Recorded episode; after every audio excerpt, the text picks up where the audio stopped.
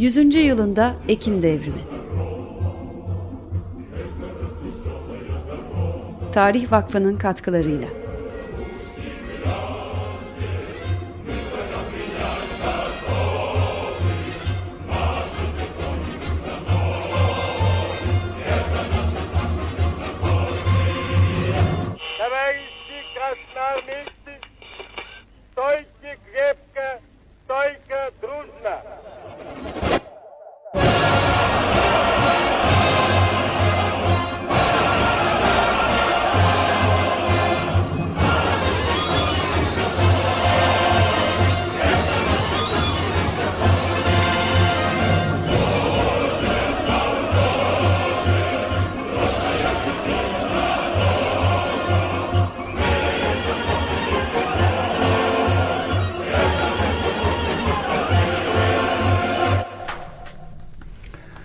Hoş geldin merhaba. Merhabalar, hoş bulduk. Hoş geldiniz.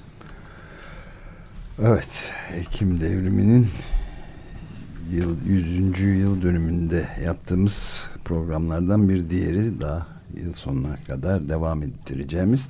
Bugün neyi konuşuyoruz? Bugün ben yalnızım Doğan Çetinkaya olarak. e, bugün 1917'nin e, hikayesini e, konuşacağız. 20. yüzyıl boyunca yani 1917 devriminden sonra e, Şubat ve Ekim devriminin tarihi nasıl anlatıldı, hikayesi nasıl anlatıldı e, ve nasıl yazıldı. E, daha çok bunun üzerinde e, duracağız. E, isterseniz hemen balıklama başlayalım. Dalalım. Dalalım. Ee, 1917 devrimi hakkında ilk yazılan çizilenlere baktığımız zaman ki uzun sürede bu hikayenin anlatılmasında ve yazılmasında e, bu bir şekilde ona kaynaklık edecek. O nedir? O da 1917 Şubat ve Ekim devrimlerini yaşayanlar hatta yapanlar ya da ona şahit olanların 1917 e, üzerine yazılan literatürün önemli bir bölümünü uzunca bir süre oluşturduğunu e, görüyoruz. Yani 1917 e, devrimi sırasında e, Rusya'da e, olan, Çarlık Rusyası'nda olan ya da Çarlık Rusyası'nı çok yakından takip eden e, insanların yazıp çizdikleri e, ya da bu devrimin içerisinde bir aktör olarak bu devrime katılmış liderler, e, ona kitlesini oluşturmuş sıradan insanların e, yazıp çizdikleri. Bunlar ne olabilir? Bunlar hatıratlar olabilir, bunlar yaşanan deneyimler olabilir. Bunlar görüp ettiklerini aktarma biçiminde gazetecilik faaliyeti olabilir. Ya da yaşanan sürecin daha sonra kısa bir süre sonra ama muhasebesini çıkartmaya çalışan insanların e, yazıp ettiklerinden e, oluşur 1917. Ve 1917 e, devrimlerinde e, ilişkin bu literatür, bu külliyat yani daha çok hatıra, değerlendirme, yaşayanların, e, görenlerin ve ona katılanların yazıp çizdikleri e, uzun bir sürede e, bu devrime ilişkin yazılan çizilenlere de kaynaklık teşkil edecek. Hem onun e, hikayesini kendi penceresinden anlatacak bu katılanların e, yazıp çizdikleri hem de daha sonra yani 1917'den 10 sene 30 sene sonra e, özellikle 1950'lere kadar e, bu konu hakkında kalem oynatanların da e, çalışmalarında kaynaklık olarak kullanacakları ana e, literatürü oluşturduğunu söyleyebiliriz. Fakat bu literatür e, yani onu yaşayanlar, şahit olanların yazıp çizdikleri e, bazıları çok fazla ön planda olacak ve hatırlanacak. Bazıları ise ortadan kaybolacak ve unutulacak. Nasıl ayırt edebiliriz? Daha çok devrime liderlik yapmış. E, devrimin daha sonra ortaya çıkan gelişmelerinde rol sahibi olmuş önemli şahsiyetlerin yazıp çizdikleri su üzerinde kalacak.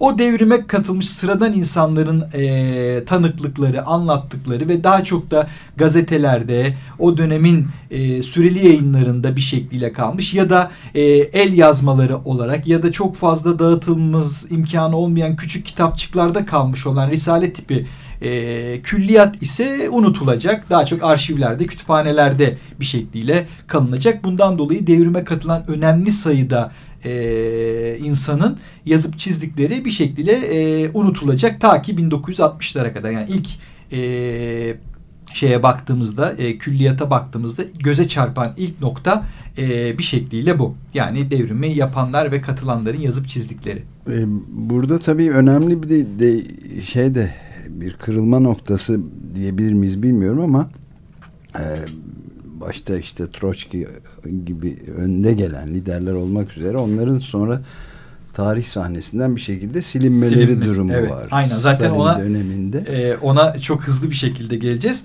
E, tam da bu e, literatür ki mesela işte Irakli Çeretelli'nin yazdıkları işte sağ menşevik e, daha önce programlarda değindiğimiz Nikolay Sukanov'un sol menşevik, menşevik enternasyonel olarak bilinir ya da Alexander Şilyapnikov gibi e, 1917 sırasında Petrograd'daki e, Bolşeviklerin e, merkez komite üyelerinden veya Viktor Chernov, sosyalist devrimcileri bunlar e, bir takım e, liderlikler Kerensky gibi işte başbakanlığı yapacak. Çok bu programda çok fazla adı geçti. Yine Troçki. E, bu dönemde e, bu ki şahsiyetlerin yazdık yazıp çizdikleri e, ön plana çıkacak. Fakat biliyorsunuz 1917 üzerine yapıyoruz biz bu programı ama aslında devrim tarihi söz konusu olduğu zaman biraz daha bu e, tarihi daha önceki programlarda da biraz değindiğimiz gibi aslında genişletmemiz gerekiyor. Neden? 1917'den devriminden sonra 1922 yılının sonlarına kadar sürecek bir iç savaş yaşanacak Rusya'da ki devrimin kaderini ve daha sonraki gelecek gelişmeleri belirleyen de aslında bu iç savaş olacak. Yani Kızıllarla Beyazlar arasındaki mücadele. Bu 1922 yılında kazanılan Bolşevikler tarafından kazanılan e, iç savaştan sonra özellikle 23 ile 28 arasında NEP denilen e, savaş komünizminden sonra daha liberal e, olarak adlanacak piyasa mekanizmalarına biraz e, cevaz veren, küçük mülkiyete serbestiyet tanıyan ve pazar ilişkilerine biraz önünü açan çünkü e, yıkılmış bir e, ekonomi ve tarumar olmuş bir e, ülkenin yeniden ayağa kalkabilmesi için özellikle Lenin'in de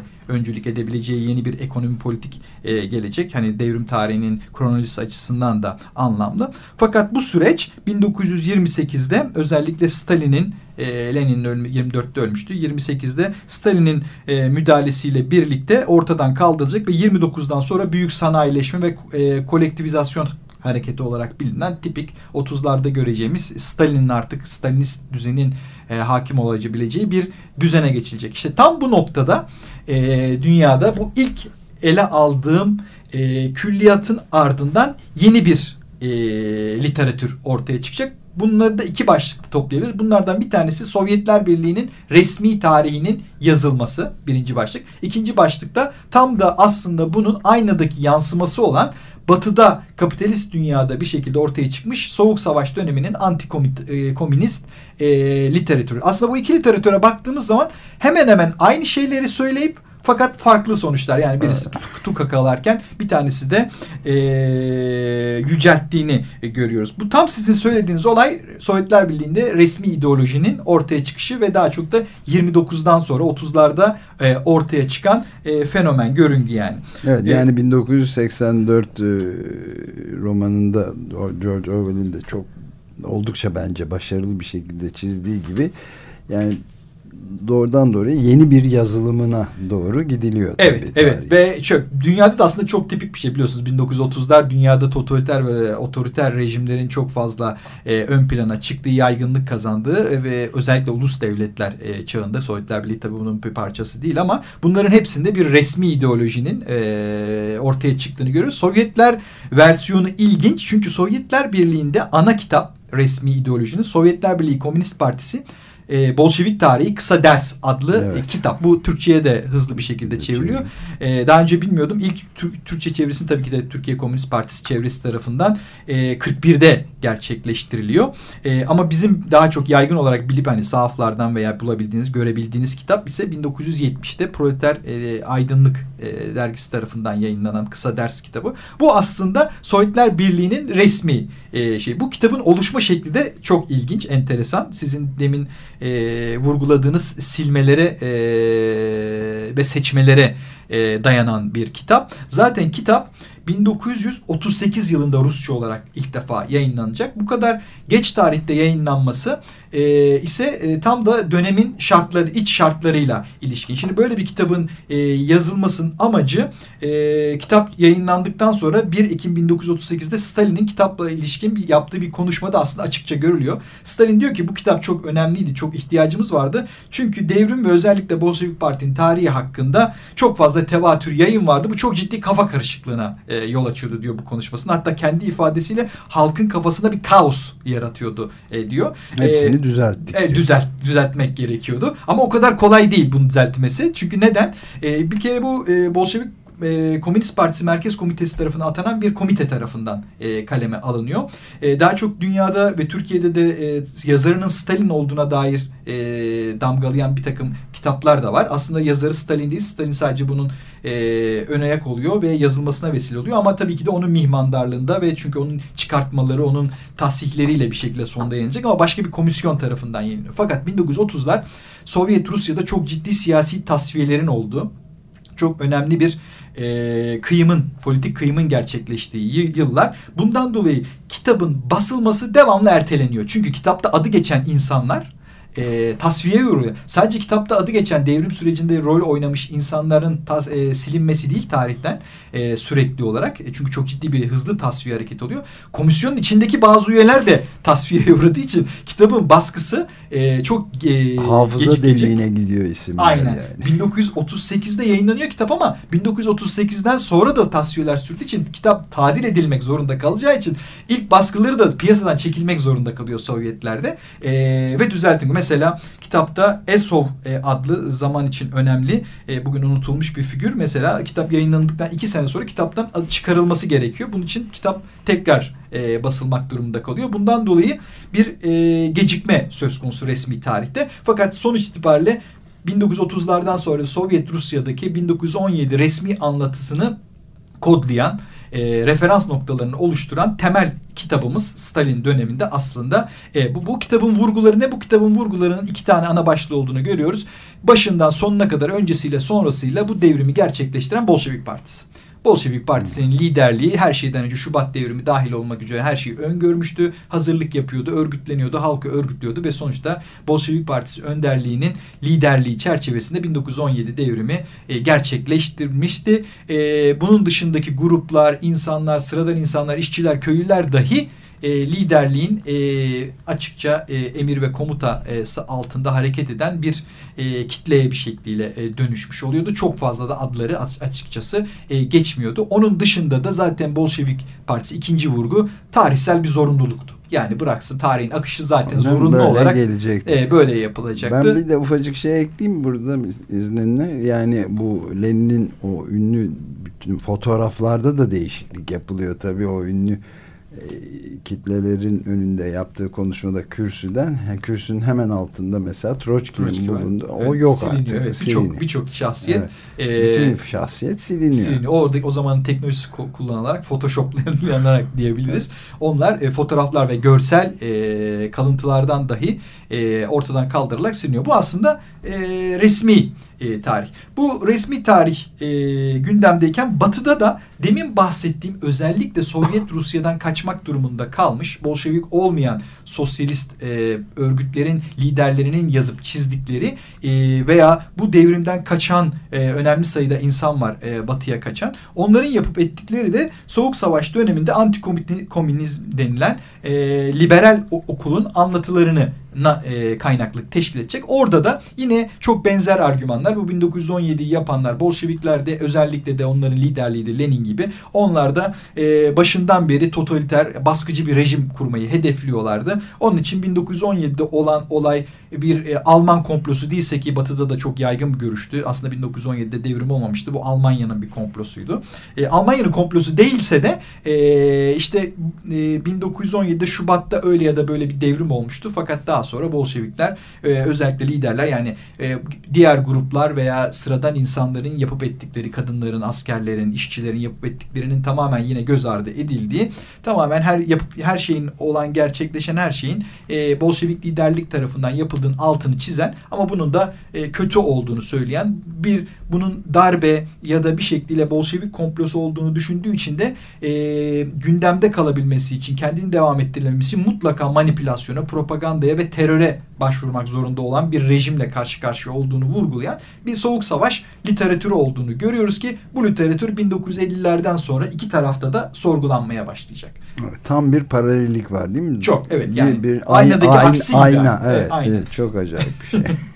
e, bu literatür hem Sovyet Rusya'da hem de Batı'da e, 50'lerden sonra sorgulanmaya başlayacak. İlk sorgulanmayı gerçekleştirilen yer e, Sovyet Rusya'da e, özellikle Stalin sonrası dönemde e, Kuruşev'den sonra biliyorsunuz da Sovyet Rusya tarihinde de önemli e, öz eleştiriler ve dönüşümler e, gerçekleştirecek. Çam bu 1950'lerdeki dönüm noktasında e, bir takım tarihçiler e, çok da aslında resmi anlatıyı sorgulamadan fakat zamanla karikatür haline gelmiş e, hatta zaman zaman absürt bir hal alan anlatıyı daha nüanslı, detaylı, incelikli bir hale getirmek için bir takım çalışmalar yapıyorlar. Ta, aslında e, mükellef tarihçilik örnekleri e, ortaya çıkarıyorlar. Bunlardan en ünlüsü e, Burzalov tarihçi. Burzalov diyor ki ya diyor bakıyoruz biz tarihsel şeylere Bolşevik e, tarihine kendi arşivlerimize. Bu Şubat devrimi öyle de çok planlanmış programlanmış Bolşeviklerin e, önderlik ettiği bir devrim değil. E, yani kitlelerin kendiliğinden e, ayaklanması ve hani Nisan'a kadar e, aslında Lenin'in etkisinden de çok bahsedemeyiz. Hani bu çok kötü veya iyi bir şey değil.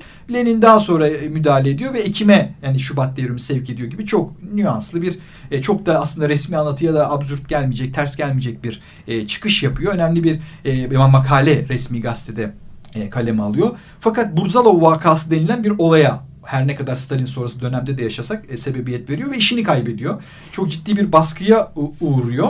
E, çünkü şey e, liderliğin e, konumunu devrim içerisinde sorguladığı için. E, fakat 1950'ler yine de e, başka bir dönem olduğu için sonuç itibariyle 1959'da profesörlüğünü geri alarak kitabını da Rusya'da 1967 yılında artık 60'ların sonunu beklemek zorunda kalacak. 67 yılında yazabiliyor ama hem Rusya'da bu kitap hem de e, Rusya dışında özellikle Batı dünyasında çok ciddi bir e, ses getirecek. E, önemli bir e, revizyon e, oluşturulacak e, tarihte e, Burzavol'un bu çalışması. Batı'da ise e, özellikle 1960'larda daha öncesinde işte Richard Pipes'ın, Robert Conquest'in e, e, gibi isimlerin ki bunların bazıları e, Türkçe'ye de çevrilmiş özellikle Robert Conquest önemli e, antikomünist. Bu antikomünist yazarların en büyük özellikle Amerikan dış politikasıyla çok ilişkili oldukları için e, Türkiye gibi e, Amerika'nın çevresinde yer alan resmi olarak ülkelerde ittifak silsilesi içerisinde bunlar e, diğer ülkelerde etkin oluyorlar. Conquest mesela e, kitapları 60'lı yıllarda e, Türkçe'ye de e, çevriliyor. Fakat 1960'ların sonunda özellikle Batı'da sosyal tarihle, toplumsal tarihle kendi tarih yazımını da çok derinden etkileyen e, yazarlar e, ortaya çıkıyorlar ve şu soruyu soruyorlar. Ya bir küçük grup dünyayı bu kadar etkilemiş büyük devasa bir tarihsel olguyu bu kadar nasıl belirlemiş olabilir? Diğer sıradan insanlar, diğer toplumsal sınıflar bundan nasıl azade olup kenarında kalmış olabilir ve bir rejim sırf baskı ve terör politikalarıyla nasıl bu kadar uzun süre güçlü olarak kalabilir? Bunun e, anlamak için bizim bunun toplumsal kökenlerini araştırmamız lazım diyorlar ve e, 1900 e, 70'lerin sonunda ben özellikle 80'lerde bu da bir tarihin ironisi rejim çökmekteyken rejime ilişkin dışarıdan önemli toplumsal tarih kültürel alanda Analiz önemli çalışmalar yapılmaya başlanıyor ve e, soğuk savaş literatürünün çok radikal bir şekilde e, eleştirildiğini e, görüyoruz bu literatür tarafından. Bu literatürün yaptığı çalışmalarda da asıl vurgu daha çok işte liderlik ve Bolşevik Partisi tarihinden daha çok işte kadınlar nasıl bir rol oynamıştır, işçi sınıfının yeri devrimde neydi gibi e, daha çok toplumsal e, şartlara ilişkin e, çalışmalara odaklanmak oluyor e, bu literatür ve Soğuk Savaş dönemindeki hem Sovyetlerdeki anlatıyı hem de e, antikomünist e, batıdaki e, anlatıyı çok derinden e, eleştiren bir literatür e, ortaya çıkıyor ki bugün bizim ayrıntılara dair özellikle en fazla bilgiye sahip olmamızı olanaklı kılan da bu revizyonist e, literatür oluyor özellikle. Peki batıda. mesela bu Edward Hallett Carr ya da C.P. Thompson gibi önemli Hı -hı. tarihçilerin e, anlatılarının ne rolü var? Çok çok güzel bir e, soru. Önemli. E, çünkü e, tam anlattığım şeyle çelişen e, yazınlar bunlar. Batı'da özellikle e, Carr gibi, e, Deutscher gibi, Isaac Isaac Moshe Deutscher. Levin gibi evet. e, önemli isimler 40'larda ve 50'lerde e, e, önemli e, bugün de Türkçe'de de bulabileceğimiz çalışmalar e, yapıyorlar. Bunlar ayrıksı çalışmalar. Herhangi bir kampta yer almayan e, çalışmalar ne antikomünist literatürde ne e, Sovyet resmi literatüründe ki bunlar daha çok Amerika'da ve İngiltere'de e, özellikle ortaya çıkmış tarihçiler. Bunlar e, antikomünist e, liberal ekol tarafından bir kere Sovyet tezi olarak kabul ediliyor. Batı Evet. dünyasında mahkum ediliyorlar. E, çünkü Sovyetler Birliği'ne sempatik yaklaştığını, e, tukakalamadıklarını e, darı için. E, bu literatür aslında revizyonist e, tarih yazımının öncüleri ve e, ilk habercileri. E, iki dünyada da var olan resmi anlatının dışında bu devrimi anlamak noktasında e, önemli çalışmalar yapmış bu isimler. Ama bunların da kaynak sıkıntısı çok bariz olduğu için e, o dönemde e, çok sınırlı sayıda kaynağı kullanabilecekleri için aslında çok da muazzam çalışmalar gerçekleştirmiş olmayıp sadece var olan ortamda daha serin kanlı analizler yapmayı imkan veren bir e, literatür oluşturuyor. Bunlar da kendi içlerinde. Ama bunların da kullandıkları kaynaklar yine o zamanın temel kaynakları bir Sovyetlerden kaçmış insanların söyledikleri, e, Sovyetler Birliği'nin resmi gazete yayınları ve e, yayınlamış olduğu tarihçeler e, ve de e, anlatılar, e, hatıratlar. Bunların dışına çıkamadıkları için yani Sovyetler Birliği'ndeki arşivler açık olmadığı için Evet, onlar da açık, evet. sonuçta benzer kaynaklardan ama üçüncü bir yol anlatı ortaya Çok çıkmış önemli oluyor. ama bu çünkü asıl bugün yaslanabileceğimiz gerçeğe, gerçekliğe yakın olanlar da bunlar gibi Aynen, geliyor aynen. insana yani. Tabii. E, ve Orwell'in de gazeteci olarak yazdıkları filan çok ilginç tabii. Hı hı, hı Ee, zaten Tarihçi değil Orwell ama Ee, yani belki de müthiş. bin- 1970'lerdeki insanlara ilham veren hem çalışmalar hem de Orwell gibi şahsiyetlerin yazıp çizdikleri de aslında onlara bu ilham veriyor. Bu tür soruları e, sordurtuyor. E, 70'lerden 80'lerden sonra özellikle Sovyetler Birliği'ndeki e, arşivlere ilişkin e, idari kısıtlamaların gevşemesiyle birlikte muazzam bir e, kaynak yığınıyla karşılaşıyor tarihçiler. E, sıradan insanın seslerine ulaşabiliyorlar. Toplumsal tarih, kültürel tarih alanında çalışmalar yapmak daha imkan dahilinde olmaya başlıyor ve o tarihten itibaren de e, muazzam bir e, külliyat ortaya çıkıyor. Ne zamana kadar? 1989'a kadar. Şimdi zannedilir ki 1989 oldu Sovyetler Birliği çöktü. 1991'de çöktü ya da 89'da Doğu blokundaki ülkeler e, bir şekliyle e, çöküyorlar. 91'de Sovyetler Birliği çökünce insanlar düşünebilir ki yani çok daha büyük tarihler artık arşivler tamamen açılacak. Tam tersi 1991'den sonra bu büyük atılım hız kesiyor. Çünkü 91'den sonra Sovyet Rusya'da da hakim olan antikomünizm oldukları için tam soğuk savaş literatürünün yeniden ihya olduğu bir döneme girilmiş. Bu son derece önemli bir nokta. Yani bütün e, Türkiye gibi marjda kalan ülkeler diyelim ve onun intelijansiyası da maalesef bu şeyin etkisinde kalıyor. Yani Çok, gerçekliğe ulaşılamıyor. Sol denen kesimde de öyle maalesef yani. Yani bugün baktığımızda yurt dışına çıkıp da temel kitapçıları bile geçseniz bugün hala bu 70'lerde 80'lerde ortaya çıkmış çok devasa önemli e, literatürü kitapçılarda görmek mümkün değil. Tipik 50'lerde 40'larda kaleme alınmış soğuk savaş literatürünün hala bestseller olduğu e, bir zamanlar e, komedi komik unsuru tarih yazımında olarak dalga geçilen metinlerin bugün yine hala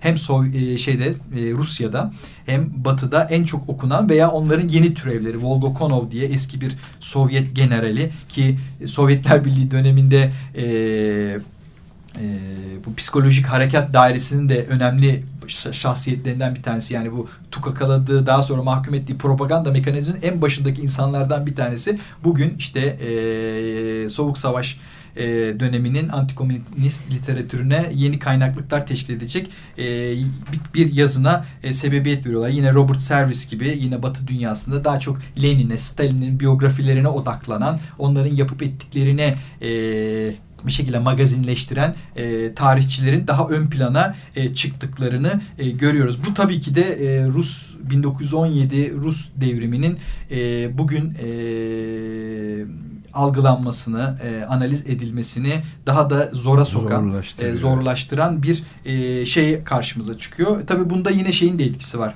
E, 70'ler 80'lerden sonra tarih yazımında e, postmodernizm de bütün dünyada çok ciddi bir etkisi oluyor ve postmodernist ekol de e, evet meta anlatıların ciddi bir eleştirisini bazı açılardan haklılık e, taşıyacak şekilde geliştiriyor. Kültürel çalışmalar alanında önemli e, çalışmaların yapılmasına vesile oluyor ama tam da bu e, liberal antikomünist e, e, literatürün yeniden ihya olmasında da e, bir e, etkili faktör olarak da ortaya çıkıyor. Bundan dolayı e, daha toplumsal e, tarihin, e, daha e, toplumsal politik tarihin e, ortaya çıkmasında e, ve gelişmesine ket vurduğunu da e, söyleyebiliriz açıkçası bu evet, Bitirirken belki şeyi de söylemek lazım. Bir saniye e, bir ufak eklemem var. Yani edebiyatçıların da seslerinin sonradan. Yani Solzhenitsynlerin adını şimdi unuttum.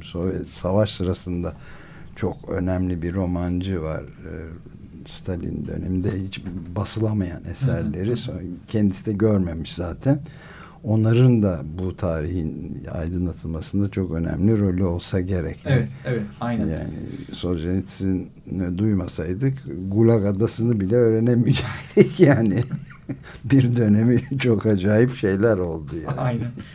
E, isterseniz şey duyurusunu da yapalım. Yarın Tarih Vakfı'nda Lütfen. bu e, 1917 sohbet devrim sohbetleri çerçevesinde yaptığımız e, konuşmaların yenisi var. Altıncısı olacak. E, saat altı buçukta yine Tarih Vakfı'nda. Emek Yıldırım e, Artvin Çoruh Üniversitesi'nden e, 1917 devrimi öncesinde ve sonrasında kadın hareketini e, anlatacak bize e, dinleyiciler e, vakfımıza gelme fırsatı bulurlarsa Emek Yıldırım'ın e, 1917 devrimdeki kadınların e, yeri ni anlattığı, bize anlatacağı e, konuşmayı dinleme fırsatı e, elde edecekler. Eminim. Evet, benim de bir duyurum var. Ekim devriminin 100. yıl dönümü başka e, gruplar tarafından, oluşumlar tarafından da anılıyor ve kutlanıyor. Bunlardan bir tanesi Emek Partisi. Sosyalizm Geçmiş Değil Gelecek adlı e, bir konser var, etkinlik var. 17 ee, Aralık 2017 tarihinde saat 14'te gerçekleşecek olan bu konserde Hüsnü Arkan, Lüksus, BGST dans gösterisi, Emek Barış Korosu e, sahneye çıkacakmış. Yer Bostancı Gösteri Merkezi, Bostancı Gösteri Sanatları Merkezi olarak belirtiliyor. Tekrardan hatırlatmak gerekirse 17 Aralık 2017. Kitap köşesinde ise bu hafta bir hazırda bahset hazır bahsetmişken bir çizgi roman var e, Devrimi öyküsünü ilk kez bir çizgi romanla Türkçe'ye kazandırıldığını söyleyelim bunu. Z yayınları tarafından devrimin 100. yılında 1917 iki nokta üst üste Rusya'nın Kızıl Yılı kitabı yayınlandı. Sosyalist çizer Tim Sanders'ın çizimleriyle tarihçi John, John Newsinger'ın anlatımı buluşturulmuş bu kitap içerisinde bu çizgi romanda.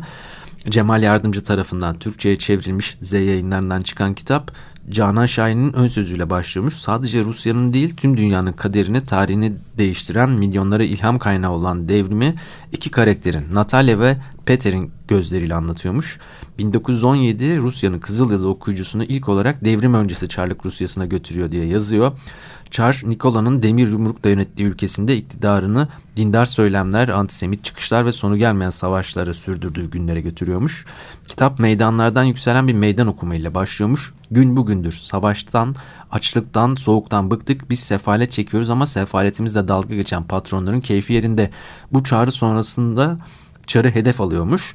O alçak Çar uğruna onca gencimiz öldü diyerek ve yoldaşlar greve doğru çağırıyor. Donup ölmektense direnmenin daha iyi olduğuna inanan insanların telkinleri eşliğinde diye devam ediyor kitabın tanıtımı.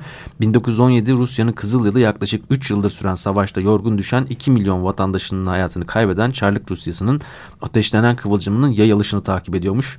Sonsuza kadar kalması için dikilen dev Çar heykelinin yıkılışını emek, ekmek ve özgürlük için çıkılan grevin sonucunda lüks restoranların sefaletle boğuşan halka açılışını, donma tehlikesi geçirenlerin zengin malikanelere yerleştirilme sürecini anlatıyormuş çizgiler eşliğinde. Sokakların hakimiyetini ele geçirdiği, tarihin akışını değiştirdiği günleri anlatan 1917 Rusya'nın Kızıl Yılı okuyucusuna gerçek olayların kurgulanmış öyküsünü sunuyormuş. Biz de CNN Türk'ten Serdar Korucu'nun anlatımıyla beraber bu kitap duyurumuzu da yapmış olalım. Peki neyle bitiriyoruz Çağlar? Ee, şimdi daha çok 1917'nin 20. yüzyıl boyunca anlatılışını e, konuşmaya çalıştık, tartışmaya çalıştık. Onun için biraz 20. yüzyıl programı olduğu için 20. yüzyılına sesini veren en büyük gruplardan bir tanesi olan The Beatles'ı e, seçtik bugün. E, Back in the USSR dinleyeceğiz. Evet harika. Peki böylece de bitiriyoruz. Ee, açık gazeteyi de bitirelim bu arada ve şunu da söyleyeyim sadece bugün e, duyurusunu yapamadık Orta Doğu konferansı var bir arada yaşamanın ve barışın imkanlarını aramak diye Şişli Belediyesi'nin e, Hilton Bomonti Oteli'nde olacak ve bugün 15, e, 16 ve 17 Aralık'ta da yani iki gün daha devam edecek kapsamlı bir şey. E, onu da e, duyurmuş olalım. Orta Doğu konferansı var bir arada yaşamanın. Çok e, sayıda yani Yüksel Taşkın, Celal Korkut Yıldırım TÜSES düzenliyor bunu. E, Hayri İnönü, Nuri Okutan İyi Parti'den Temel Karamollaoğlu SP Genel Başkan Saadet Partisi ve Ayhan Bilgen Halkların Demokratik Partisi Parti Sözcüsü bir de Kemal Kılıçdaroğlu Cumhuriyet Halk Partisi Genel Başkanı katılış, şey, protokol açılış ve protokol konuşmalarını yapıyorlar. Önemli bir kapsamlı konferansta başlıyor bu barış, savaş barış günlerinde. Peki. Ben Deniz Ömer Madra, Can Tombil ve Selahattin Çolak'tan oluşan ekiple birlikteydiniz. Ee, Emre Gümüşer de bize destek veriyordu. Dinlediğiniz için çok teşekkürler. Hepinize günaydın. Günaydın. Günaydın.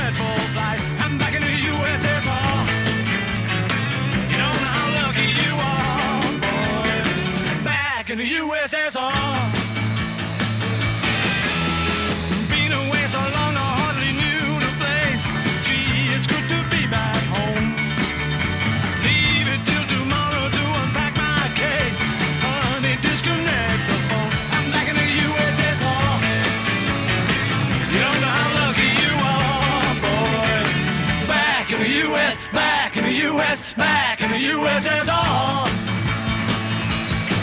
Well, the Jolly girls really knocked me out. The West behind. And Moscow girls make me sing and shout.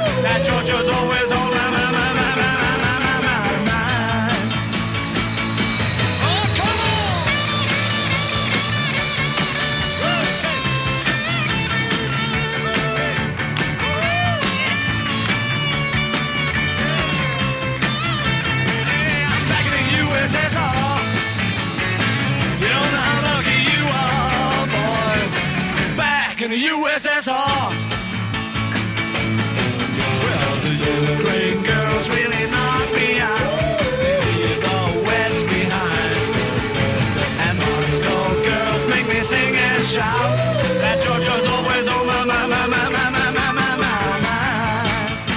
Oh, show me round the snow big mountains way down south. Take me to your daddy's farm. Let me hear your ballad like it's ringing out. Come and keep your comrade warm. I'm back in the USSR. Hey, you don't know how lucky you are, boys. Back in the USSR.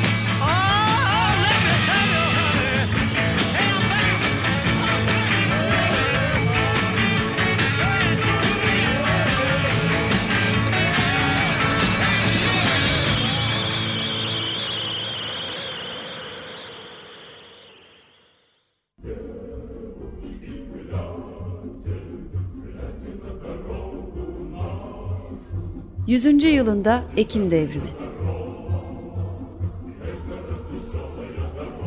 Tarih Vakfı'nın katkılarıyla.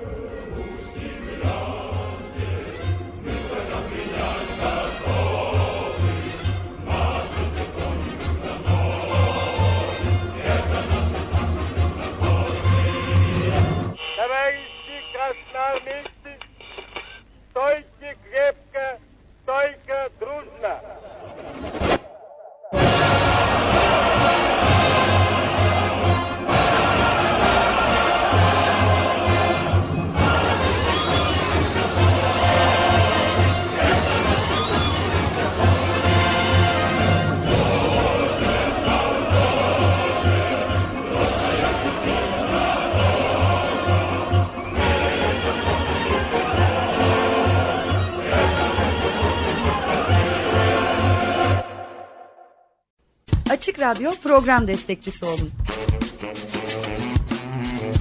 Bir veya daha fazla programa destek olmak için 212 alan koduyla 343 41 41.